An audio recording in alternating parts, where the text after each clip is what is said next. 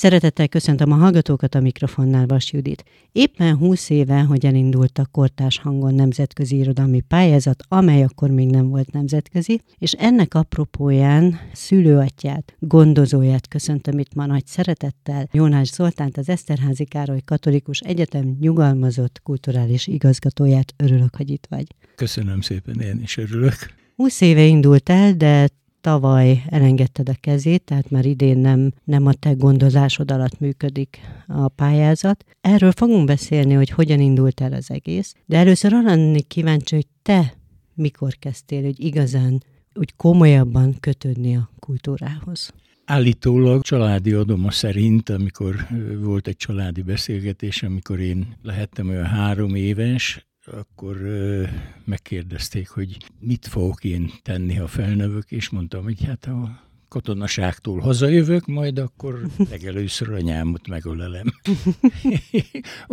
valahol itt kezdődött a kultúra bennem. Nagyon jó meséi voltak édesanyámnak, nagyon jól kötöttünk egymáshoz. Egy ilyen csupa szeretett ember volt, és nagyon boldogá tette a gyermekkoromat.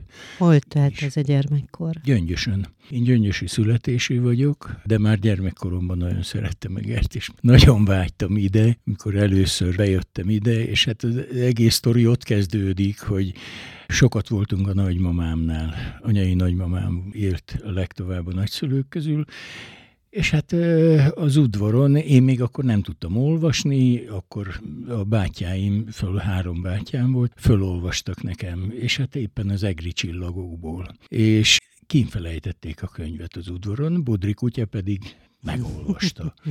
És jellemző nagymamámra, hogy ezt úgy reagálta le, nem volt ott nagy csapkodás, meg szidás, meg nem tudom, azt mondja, hogy na hát ez nagyon jó könyv lehet, mert a Bodri kutyát is érdekelte.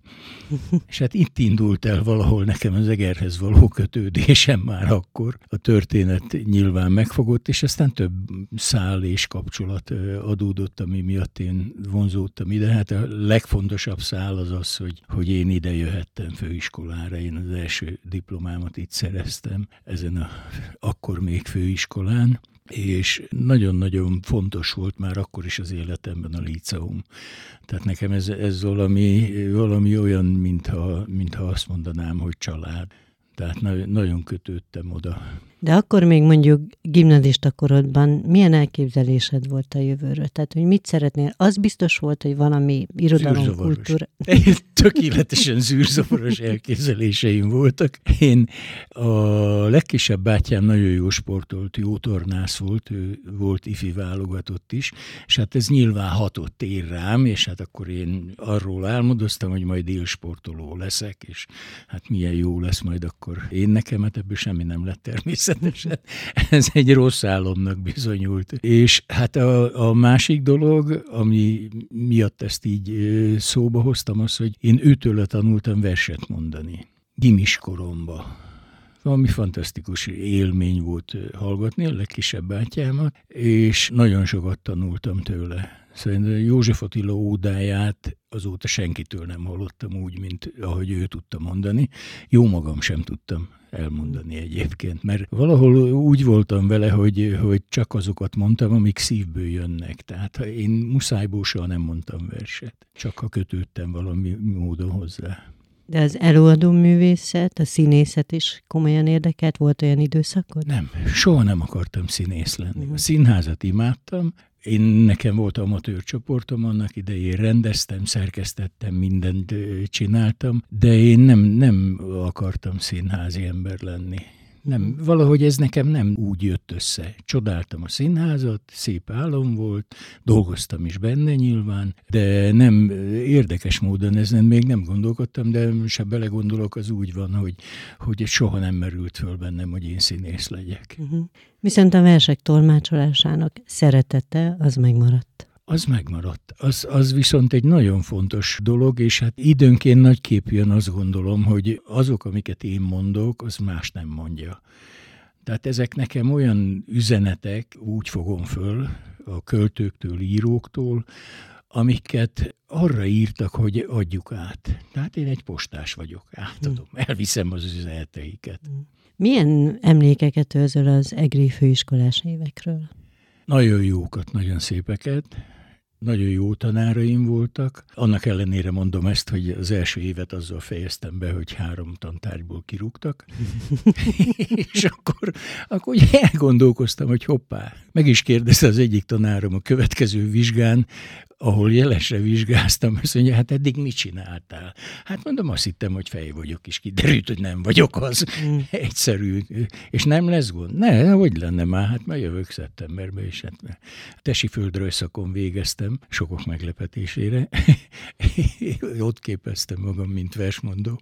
és nagyon jó tanáraim voltak, nagyon jó, jókat tanultam tőlük. Nagyon jóba is voltam velük, általában, azzal is, aki kirúgott. Hát ez természetes. Említetted, hogy sokan meglepődtek a szakpárodon. Pláne azután lepődnek meg mondjuk, aki most hallja, hogy ahogyan megismert téged, meg ahogy letetted a névjegyed.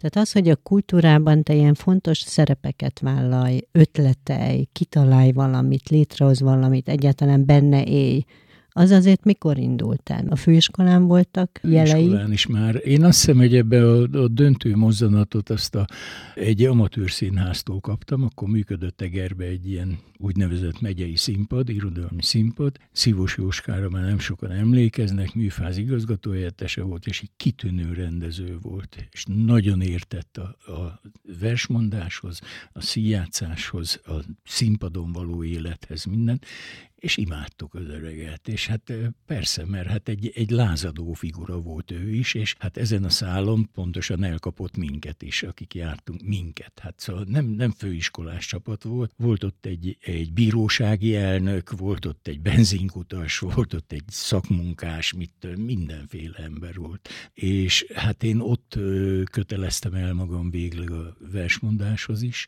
meg ott ivódott belém ez az állandó szervezéskény, egyszer valamit létrehozni, valamit csinálni, őrületes jókat tudtunk vitatkozni együtt velük. Hát főleg ez volt, ami nagyon élvezetes volt számomra, meg hát nyilván maguk az előadások is. Hát én már harmadéves koromban levizsgáztam rendezésből, én már akkor gyakorlatilag eljutottam egy olyan kategóriáig, hogy már csak a színművészet volt fölötte. És hát ez aztán nyilván meghatározta az életemet, ez a fajta közösség, amiben ott éltem, és amikor befejeződött a végeztem, hazakerültem Gyöngyösre, ott dolgoztam 7 évig, akkor ott létrehoztam egy amatőr csapatot, akiknek én írtam, szerkesztettem, rendeztem, mindent csináltam. Volt egy fantasztikus élményem, Rákos Sándornak az anyasíratóját rendeztem, írtam színpadra és rendeztem velük, fiatal csapattal, és hát ebbe beledolgoztam egy székesírató éneket is valami fantasztikus volt. De most ezt úgy képzeld el, hogy én nem tudok énekelni. Tehát ezt az éneket úgy tanulták meg, hogy egy srác értett a zongorához, leütötte a hangot kint a öltözőbe, és hozta be a hangot, és ha mellé mentek, akkor rögtön észrevettem. És hát aztán már bemutató előtt egy pár nappal már nagyon be voltam gazolva, hogy mi lesz ebből, mert én, én éreztem, hogy mit akarok csinálni velük, de hogy vajon az jön neki szakmailag, és az nem volt biztos. Volt egy karnagy barátom, Holló Erzsé, kitűnő karmester volt gyöngyösen utána, mondta, hogy gyere már be a próbámra, üljél már be, és nézd már meg. Megnézte, utána megyek hozzá, hogy na, mégis hát föl voltam rá készülve, hogy jól le fog tolni, hogy hogy csinálhatok ilyen butaságokat.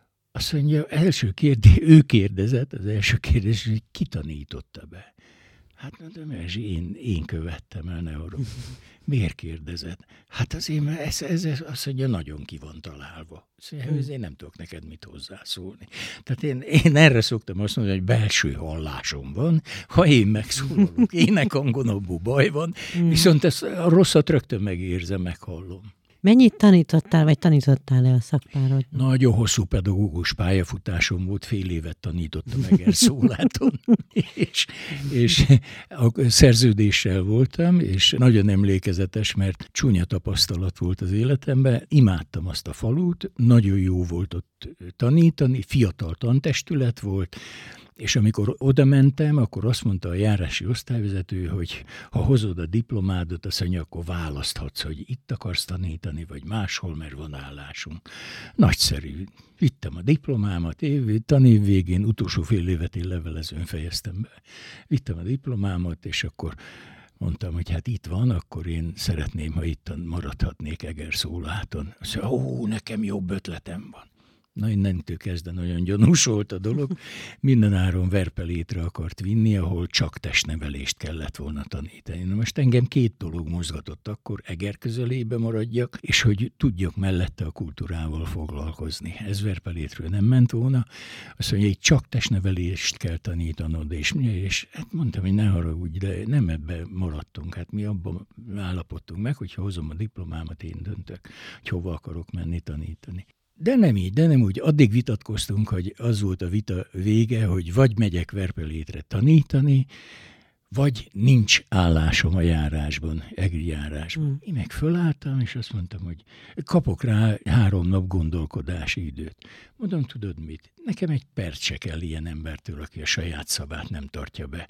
És azzal fölálltam, és kijöttem onnan kicsit erőteljesen becsuktam az ajtót magam után, úgyhogy még lent jártam a dobótéren, még ott is hallottam, hogy ordít a folyosón kijött, és hát akkor kerültem én gyöngyösre vissza, és ott voltam ilyen ismeretterjesztő népművelő hét évig. Uh-huh. Nagyon sok mindent megismertem, megéltem az alatt az idő alatt, és sok tapasztalattal járt. Aztán véletlenül belekeveredtem egy rádiós versenybe. Tényleg véletlenül, máig napig nem tudom, hogy hogy kerültem én abba bele. Lényeg hogy az, keveredhet bele? Majd, majdnem megnyertem. Ha, nem figyelek oda, akkor megnyerem. Mm. Na mindegy.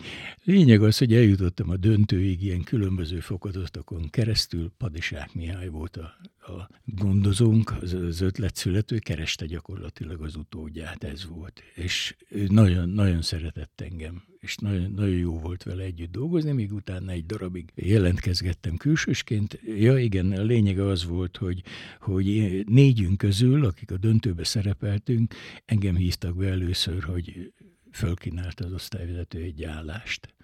És ez óriási szó volt, mert Magyar Rádiónál mai napig is úgy van szerintem, hogy évekig külsőznek, míg be tudnak jutni főállásba. Kaptam egy hónap gondolkodási időt, és akkor hazajöttem, és csörgött a telefonom, gyönyörűen, hívtak Egerből, mit csinálsz holnap?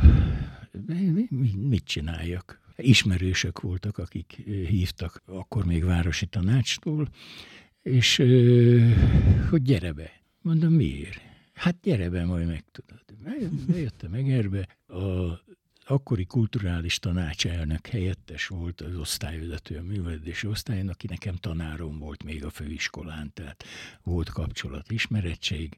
Ráadásul az egyik irodalmi színpados barátom volt a népművelési felügyelő ott, és hát, hát hatalmas terülyasztalkámmal vártak, meg minden, hát akkoriban ez ment, hogy inni kell, enni kell. Ez, én csak néztem, mondtam, kit ünnepeltek, vagy mi, miről van szó. Szóval, hát téged vártunk, neked mi? Akkor bögték ki, hogy megalakult a nyári színház Egerbe, de hát a premier után kirúgták a pártékonyék által oda tett embert, mert nem értett a színházhoz, és ők rám gondoltak, hogy jöjjek be és csináljam meg a nyári színházat. Hát ez hanyat testem rögtön, és mondtam, hogy hát Hát én most jövök a rádiótól, kaptam egy hónap gondolkodási időt.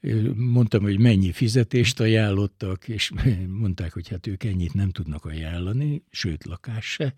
Nekem meg már akkor másfél gyerekem volt, útba volt a második gyerek, és hát én annélkül nem mozdulok. És mondtam, hogy hát ha kapok lakást, akkor, akkor jövök. Meg egy kicsit több fizetést, mint ami most van. Nyilván annyit nem tudnak adni, mint a rádiónál, lehetőségben minden, de nem. Lényeg az, hogy, hogy szóltak utána egy hónappal, hogy jöjjek be aláírni.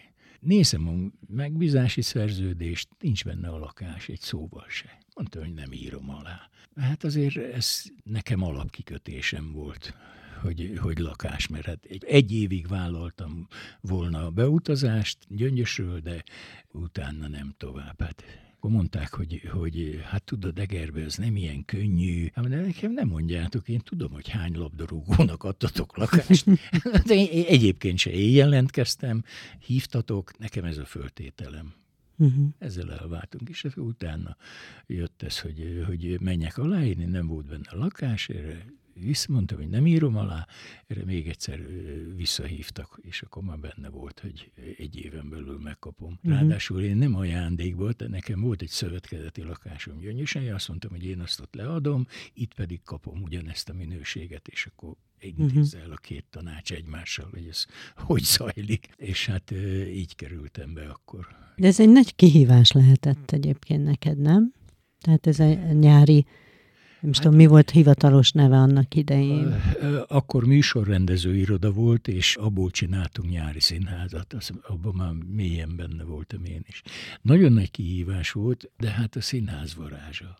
Szóval az hogy, az, hogy én ott olyan akkori neves színészekkel dolgoztam együtt, tehát dolgoztam, hát én, én voltam a hivatali háttér, nem, nem én voltam a színház vezetőjének nevezték, mert azt egy két éven belül a műsorrendező irodából átszerveztük arra, hogy ez nyári színház, Agria játékszín. Kilenc évadot vittem végig iszonyatos volt, mert hát sok mindennek meg kellett felelni, amivel az előtt én még nem is találkoztam. Tehát én belecsöppentem valamibe, amire nem készültem előtte föl, csak a varázsa elvitt, és hát nem, nem volt könnyű megélni. Hát szóval ott... Főleg az elején gondolom. Igen, igen. Szóval főleg azokat nem igazán értettem meg. Hát nem tudom elhallgatni. Akkor volt egy olyan rendezője a nyári színháznak Pestről, ki Kazimírnak volt a balkeze, odafönn, de komoly gondjaink voltak vele.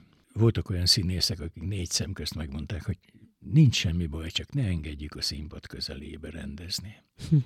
Na most én fölvállaltam ezt a harcot, végigvigyük, mert hát ő azt terjesztette magáról egyébként, hogy az egyik államtitkárnak a veje. Én nem rösteltem utána járni a dolognak, és akkor egyszer behívott az akkori megyei tanács elnök helyettese, hogy hát mégiscsak nem jó van ez így, hogy mi nem vagyunk jóba rendező úrral, és kéne ezen változtatni, mert hát tudod, azért ezek komoly dolgok, hogy, hogy az államtitkártól azért a megye kap ilyen-olyan feladatokra, meg minden, és hát ez, ez nagyon komoly. És hát, hogy ennek az államtitkárnak a veje. Mondom, ne arra úgy már, én utána néztem. Az nem zavar benneteket, hogy ennek az államtitkárnak nincs lánya? hogy lehet a veje? Uh-huh. Ne hülyéskedj, ez honnan történt? Én utána néztem.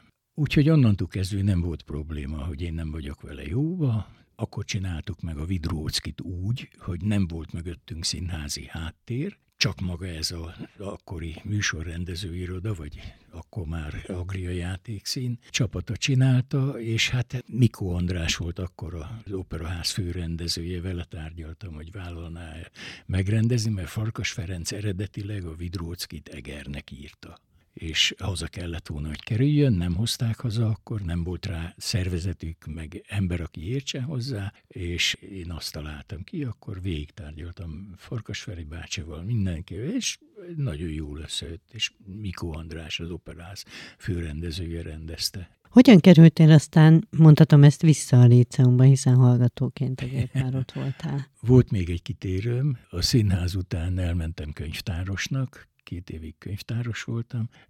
Ez egy nagyon izgalmas dolog volt, mert miközben én végeztem a könyvtáros iskolát, közben tanítottam a új könyvtárosokat. egy izgalmas feladat volt, nagyon jó volt. Nagyon, nekem, nekem akkoriban született egy csomó olyan ötletem, hogy ami engem elvitt a költészet felé igazán, mert hát volt időm bőven könyvtárban, és aztán amikor ezt két évig csináltam, és utána hívtak a Városi Tévéhez, annak én voltam az alapító főszerkesztője, hát az is egy nagy mese egyébként, őrület, hogy mi volt. Az volt az elképzelése a városnak, hogy legyen műsor, az eszközöket meg majd menet közben megvesszük. Most hát ez egy kabaré. Mondom, gyerekek, hogy lehet sült csirkét csinálni csirke nélkül? De így visszagondolva nem izgalmas időszak volt ez a megszületés? De, hallatlanul mm. izgalmas volt, sok szerencsém volt az ügyben, Hát többek között az, hogy, hogy ugye az elképzelése városnak tehát az volt, hogy majd folyamatosan vesznek eszközöket, de műsor azonnal. De én elmentem Gödöllőn, volt akkor épp a sony egy kiállítása, a Sony cégnek, és leültem tárgyalni a képviseletvezetővel stúdióberendezésről. És a támogatók jó voltából mindig volt véletlenül nálam egy korsóbor. az úgy átcsúszott az asztal alatt a tárgyalás során. Nagyon aranyos volt a, a képviseletvezető, fölajánlott egy 80 millió forintos stúdióberendezést, hogy ezt, ezt össze tudja hozni, össze tudja állítani nekünk. Mondtam, hogy jó, akkor holnap jövök vissza, azt tárgyaljunk, mert 80 millió sok. Hazajöttem, megbeszéltem, Békési Józsi bácsi volt a tanácselnök helyettes, ő volt az egyetlen, aki komolyan akarta, hogy legyen televízió ennek a városnak, a többi az mind úgy lefalcolt az ember mellől, mire konkrétumokra került a sor, és hát vele mindig egyeztet beszélgettünk, és mondta, hogy ennyi nincs, azt mondja, hát itt arról van szó, hogy, hogy körülbelül két millió forint van, és majd később lesz több. Hát mondtam, hogy jó, én azért visszamegyek tárgyalni. Visszamentem, megint korsóborral mentem vissza. Megint uh-huh. megbeszéltük, már nem volt csak 40 millió forint a stúdió berendezése, hanem minden olyat ki kellett húzni, ami nélkül még működik, és jó minőségben a rendszer. Uh-huh. Eljutottunk 40 millióig, mondtam Békésinek, hogy, hogy figyelj, de én tárgyalatok, amennyit akarsz, de ez nem hivatalos. Legalább valami városbélyegzőt adjál már, hogyha én egy olyan összegig eljutok, amit belátok, hogy meg tudunk oldani, akkor rá kell tenni, mert egyébként nem ér semmit az egész. Idatta a városbélyegzőjét, az övét, hm. fölmentem tárgyalni Gödöllőre, és 8 millió forintnál tartottunk. És arra azt mondtam, hogy igen és ráütöttem a bélyegzőt, hazajöttem, mondtam békési Jóskának, hogy hát mondom 8 millió. Mondja, hát ezért börtönbe megyünk. Mondom, ne törődj vele, kitűnő hagymás zsíros kenyeret tudok csinálni.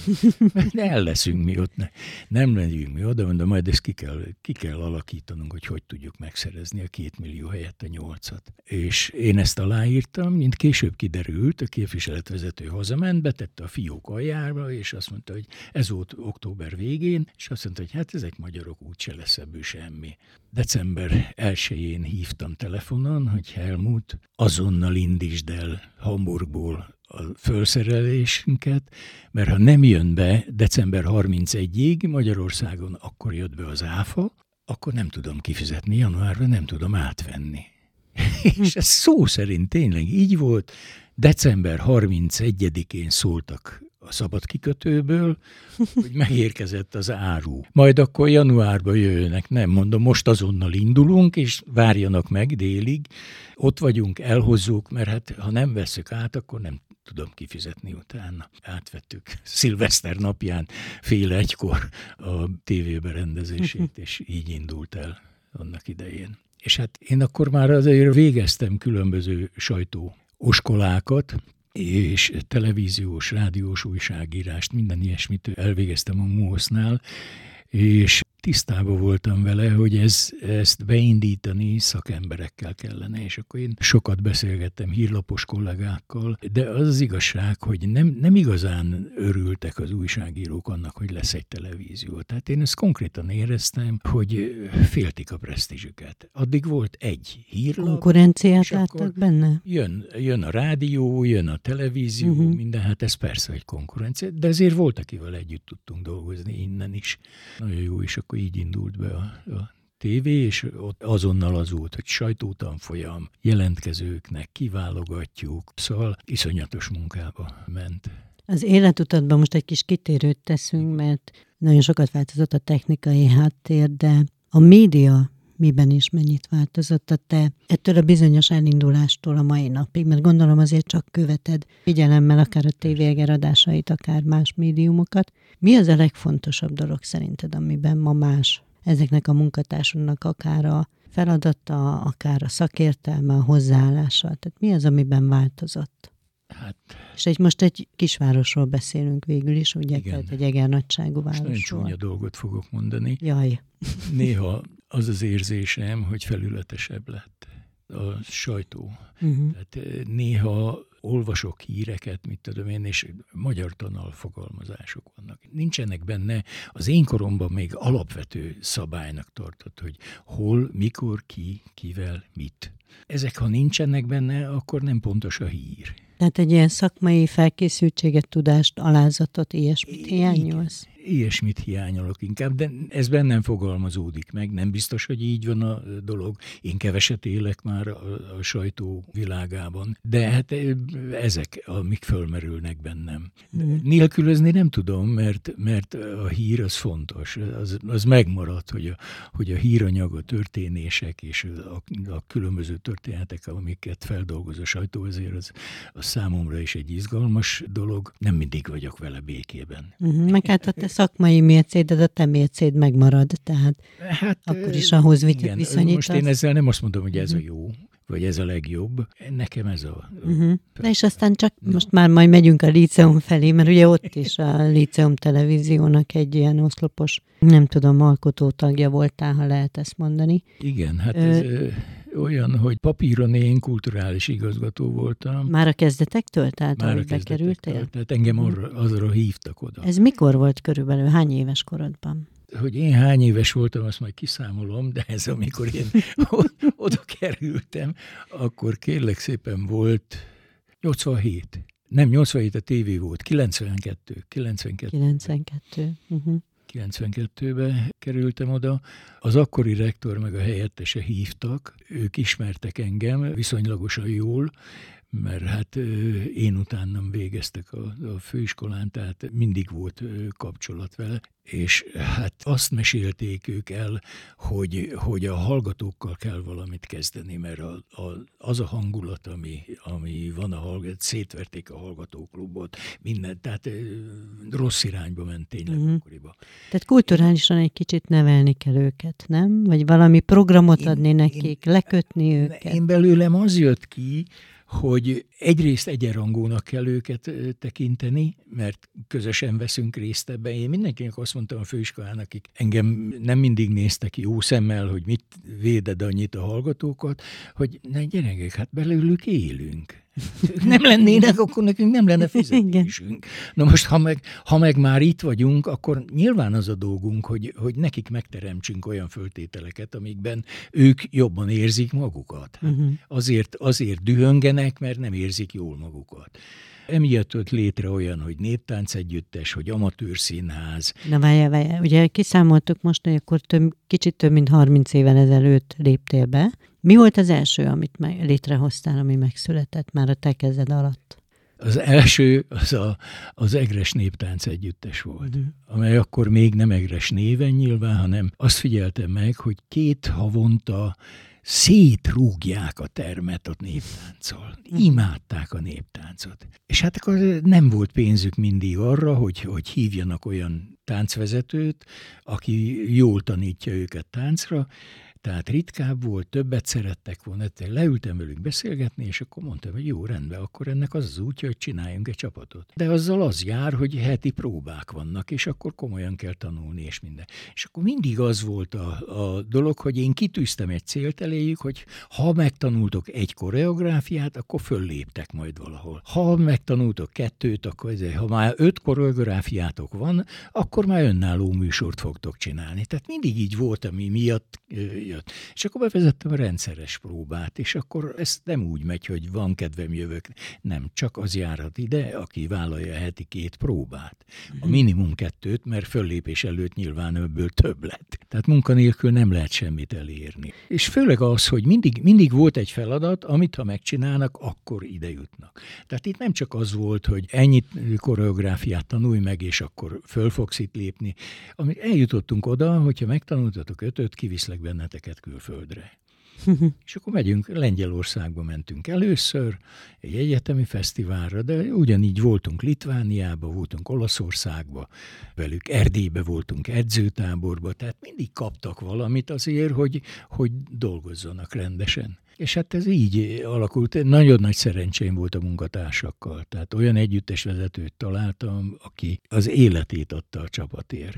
És ezt viszonozták neki. Mhm. Kit találtál? Bécsi Gyuszit. Barsi Csaba kezdte el, de aztán ő neki nagy csábítást jelentett az, hogy akkoriban hívták Lajtához is. Ő Miskolci néprajzos egyébként, muzológus, és rájött egy idő után, hogy a kettőt nem bírja. Tehát az egyiket le kell adni, és akkor azzal jött be, hogy hát ő hoz egy embert, aki utána meg fogja csinálni az együttest. És ő volt a Bécsi Gyula. És ez volt a Bécsi Gyuszi, mm. és végig ő csinálta. És tényleg nagyon szerették a gyerekek is. Az maradt meg belőle, hogyha ezeknek a fiataloknak adunk célt, partnerként kezeljük őket, és adunk célokat, értelmes célokat, akkor az egedbe lehet festeni velük. És hogy született meg a színháznak az ötlete? A Szuszogó Színház az tulajdonképpen több rendbéli nekifutás után született meg. Mert én próbálkoztam a színészekkel, színházzal, valamit mindenképpen kellett volna nekik, mert igény volt rá. És az volt a szerencsém, hogy akkoriban még itthon élt a nagyobbik fiam, és hát ő egy nagyon fertőzött ebbe a témába. Hát ő dramaturként is dolgozott a hát színházban. Dramaturként dolgozott, aztán később a színháznál, illetve már akkor ott dolgozott. Úgy jött haza, hogy Csizmadia leült vele beszélgetni, és akkor mondta, hogy jó, akkor van egy dramaturgálás, akkor gyere ide. És akkor így, így került haza. Mondtam neki, hogy figyelj ide, ebben már belebuktak sokan. Mert addig van nagy lelkesedés, amíg, amíg az lebeg előtte, hogy színpadon van. De hogy ahhoz dolgozni is kell. Akkor és rendszeresen. Rendszeresen, akkor már nehezebb a dolog. Uh-huh. Mondom, hát csak akkor vágjál bele, hogyha föl vagy rá készülve, mert ez keserűséggel is fog járni, de ha megjön, ha jól jön a dolog, akkor örömöt is, is fog adni, és így kezdte el csinálni. Úgyhogy a Szuszogó Színházat ezt a Péter fiam hozta létre. Jól mm. tudtunk vele együtt dolgozni. Igyekeztem őket is a, a szakma felé úgy elvinni. Tehát eh, szereztünk nekik föllépést más városba, Pesten léptek föl, meg különböző helyeken, meg vittem őket színházba, meg nem tudom, tehát mindig kell valamivel mozgatni, éltetni. És aztán jött a kortás hangon, húsz évvel ezelőtt, ezt mi szülte, mi, mi adta neked az ötletet? Egyébként nagyon érdekes, nagyon jó téged hallgatni, hogy annyi csodálatos dolognak a megszületése kötődik a nevedhez, hogy valamit létrehozni, ami érték. Igen. Van, ami már azóta nincs, de az emlékek, meg amit teremtettek, az, az megmarad. Hát erről csak annyit, bocsáss meg, csak közbevetem, hogy amikor elértem a 70. születésnapomat, akkor tudtomon kívül összehívtak olyanokat, akikkel együtt dolgoztam. Hát Győrből eljött néptáncos, a kis lányával, hmm. koronülő kislányával együtt, hogy engem köszöntsön. Tehát ez csodálatos kapcsolatok, alak, emberi kapcsolatok alakultak ki ezzel. Hmm. Meg hát nem csak a, akkor főiskolának, később egyetemnek, meg nem csak a városlakóknak, hanem igen, a benne szereplőknek adtál egy olyan évet vagy éveket, olyan élményt, ami maradandó. Igen, hát próbáltunk velük kezdeni valamit, hogy, hogy, hogy megtalálják magukat, tehát hogy nyitottan nézzék a világot, hogy nem, hogy nem, nem elég az az egyetemi évek alatt, vagy a főiskolás évek alatt, hogy elvégzek két szakot. Ha kikerülök valahová, ott rám fognak nézni hogy mit mond a tanár úr, hogy hogy látja a tanár úr ezt. Ahhoz viszont fel kell készülni, tehát nyitottnak kell lenni az élettel szembe, Ma is. nem lehet csak a, csak a szakommal foglalkozni. Olyan dolgokat hoztál létre, ami egyrészt, tehát sok szempontból közel áll hozzád, lelkileg is nyilván, és akkor már túl vagyunk médián, túl vagyunk néptáncon, színházon, és aztán jött az irodalom. Az, hogy ez a, ez a fantasztikus utat bejárt pályázat, ami nemzetközi nőtte ki magát, és idén 20 éves, ez megszülessen, ez a te ötleted volt, vagy te indítottad el, vagy voltak azért segítők? Hallgatói igény hozta létre. Hm. Már akkor ö, régebben jártak be hozzám, általában szerettek bejárni hozzám a hallgatók, mert jókat dumáltunk együtt, és hát nem otthon érezték magukat és jelentkeztek írásaikkal. És akkor először csináltam egy ilyen egyetemi pályázatot, és kiderült, hogy többen vannak, akik jó írás készséggel jelentkeznek. És akkor, akkor kitaláltam ezt, hogy akkor a, a Miskolci Egyetemmel jóba voltunk, mind sokféle, vittem a néptáncosokat, vittem a színházat, amatőr színházat, vittünk Nagy Zoliékat, zenekarát föllépni. Tehát foglalkoztunk ilyesmivel, és az úgy alakult, hogy, hogy Miskolciak is jól vették, az egyetemen volt egy kitűnő kolléganőm, akivel tudtunk együtt dolgozni nagyon, és akkor jelentkeztek tőlük is. És akkor mondtam, hogy figyelj ide, írjunk ki akkor egy olyan pályázatot, amit Miskolc, Eger és Nyíregyházának írunk ki. Meg patak, akkor még független volt. Úgy tűnt, hogy, hogy, hogy van rá igény a hallgatóknál. Ez ment vagy két-három évig, utána azt mondtam, hogy nem, öt évig ment, és akkor azt mondtam, hogy, hogy itt van a határ mentén közel hozzánk magyar egyetemek. Északra is, felvidéken is, Kárpátalján is, Erdélyben is.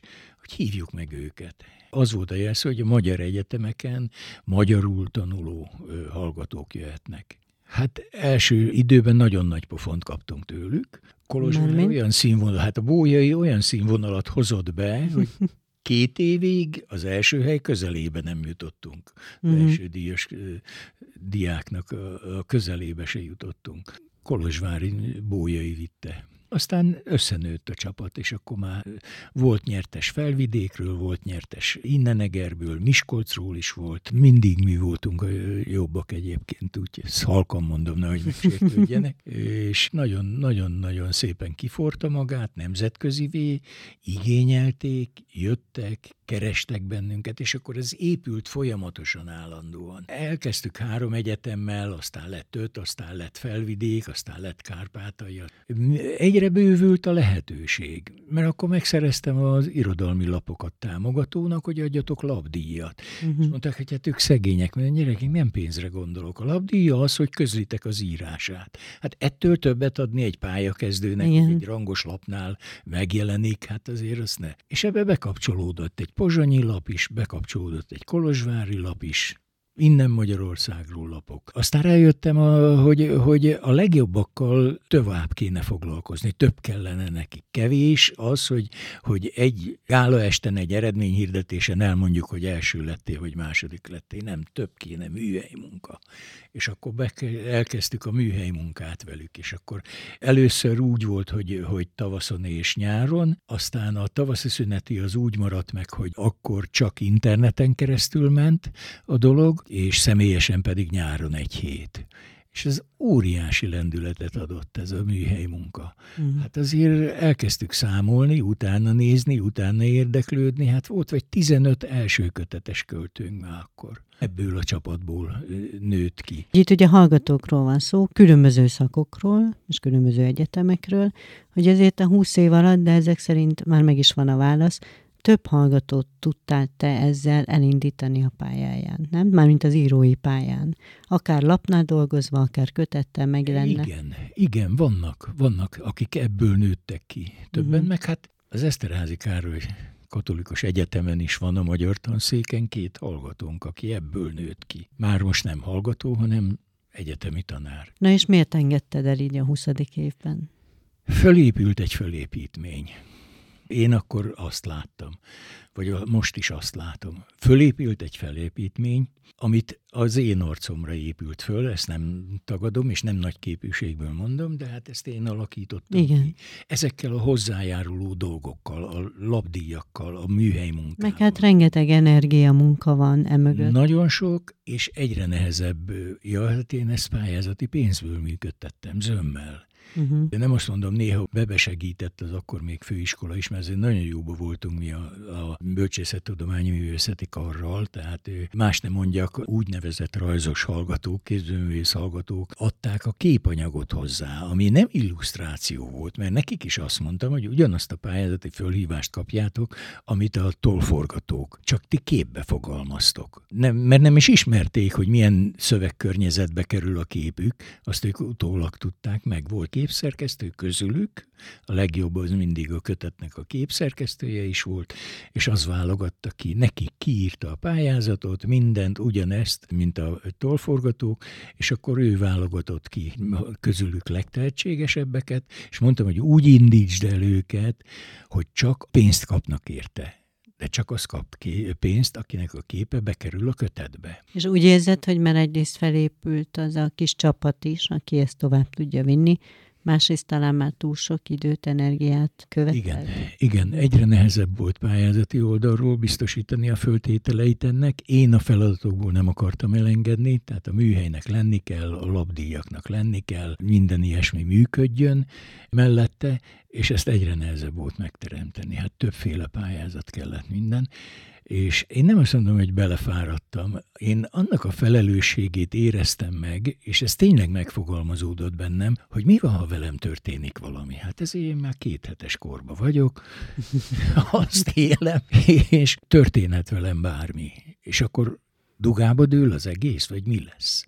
Nem, én azt sokkal fontosabbnak tartottam, hogy én ezt átadjam, és én most már nem ragaszkodok semmihez. Mai napig az idei kiírás meg sem néztem nem foglalkoztam vele, nem beszéltem velük erről, nem, mert akkor óhatatlan, hogy az ember valamibe beleszól, belepiszkálódik. Mm-hmm. Nem. Szóval itt van egy fölépítmény, ez be van most lakva, de lehet mm-hmm. másként is belakni, lehet másként is művelni, ez, ez, egy, ez egy mankó, hogy lehet ilyet csinálni. Csináljátok meg a ti arcotokra, hogy ti mit láttok benne, mit tudtok belőle kihozni. Mondtam, hogy nem, nem fog beleszólni, és ezt tartottam mm-hmm. is azóta is. Nyilván egy szülőtől butaság megkérdez, hogy melyik gyerekedet szeretted a legjobban, de itt most beszéltünk azért egy pár gyerekedről, ami, ami óriási örömöket adott az elmúlt. Hát a családnál nem lehet különbséget Jaj, hát tenni. hát igen, de most tudod, itt a jelképes gyerekekről beszélek. Az elmúlt, ne számoljuk hány év, pár évtized alatt, és már ide teszem akár, ami gyöngyösen létrejött, tehát onnantól kezdve. Egymásra építkeztek ezek. Uh-huh. Így visszanézve, meg túl a hetedik x nem tudom, hogy egyáltalán a korod az foglalkoztat-e ugye mindennapokban, de így visszanézve most elégedett vagy? Igen. Én borzasztóan sok ajándékot kaptam az élettől, uh-huh. És, és te is adtál nagyon sokat. Biztos adtam én is, de én bennem az csapódott le ebből az egészből, amiről most itt beszélgettünk, hogy hálás vagyok a sorsomnak, mert nagyon sok szép ajándékkal ajándékozott meg engem. Tehát ezek mind ajándékok voltak, amiket soroltál, néptánc együttes, a színház. Meg van, amiről még nem is beszéltünk. szóval én elégedett vagyok. Én nagyon boldog vagyok, hogy ennyi mindenben részt vehettem. Nagyon-nagyon örülök neki, hogy, hogy ennyi lehetőséget kaptam. Hát nyilván kellettem hozzá oly módon is, hogy én, én mindig is nyitottan éltem. Tehát jött egy új feladat, hű, de jó, rácsodálkoztam. Hogy lehet ezt megcsinálni? Gyerünk neki, megcsináljuk. Uh-huh. Tehát ez, ezek, ezek mindig működtek bennem. Gyakorlatilag ma is működnek, mert hiszen például az előadóesteket még mindig csinálom, és azokat ki kell találni, azt le kell szervezni, azt, azt föl kell mérni, hogy igény van-e rá, erre van-e igény. Mert én úgy adom be a pályázatomot, hogy már mellette van 15 helynek az igénye, hogy kérik, hogyha megkapom a támogatást, akkor kérik az előadást, ők ingyen kapják, csak meg. Na hát nagyon sok ilyen rácsodálkozást és élményt, ajándékot kívánok még neked az élettől, és jó egészséget, és köszönöm szépen, hogy eljöttél hozzánk. Én köszönöm, hogy érdeklődtél. Kedves hallgatóink, köszönjük a figyelmet. Önök Jónás Zoltánt és Vas Juditot hallották. Tartsanak velünk máskor is. Viszont hallásra.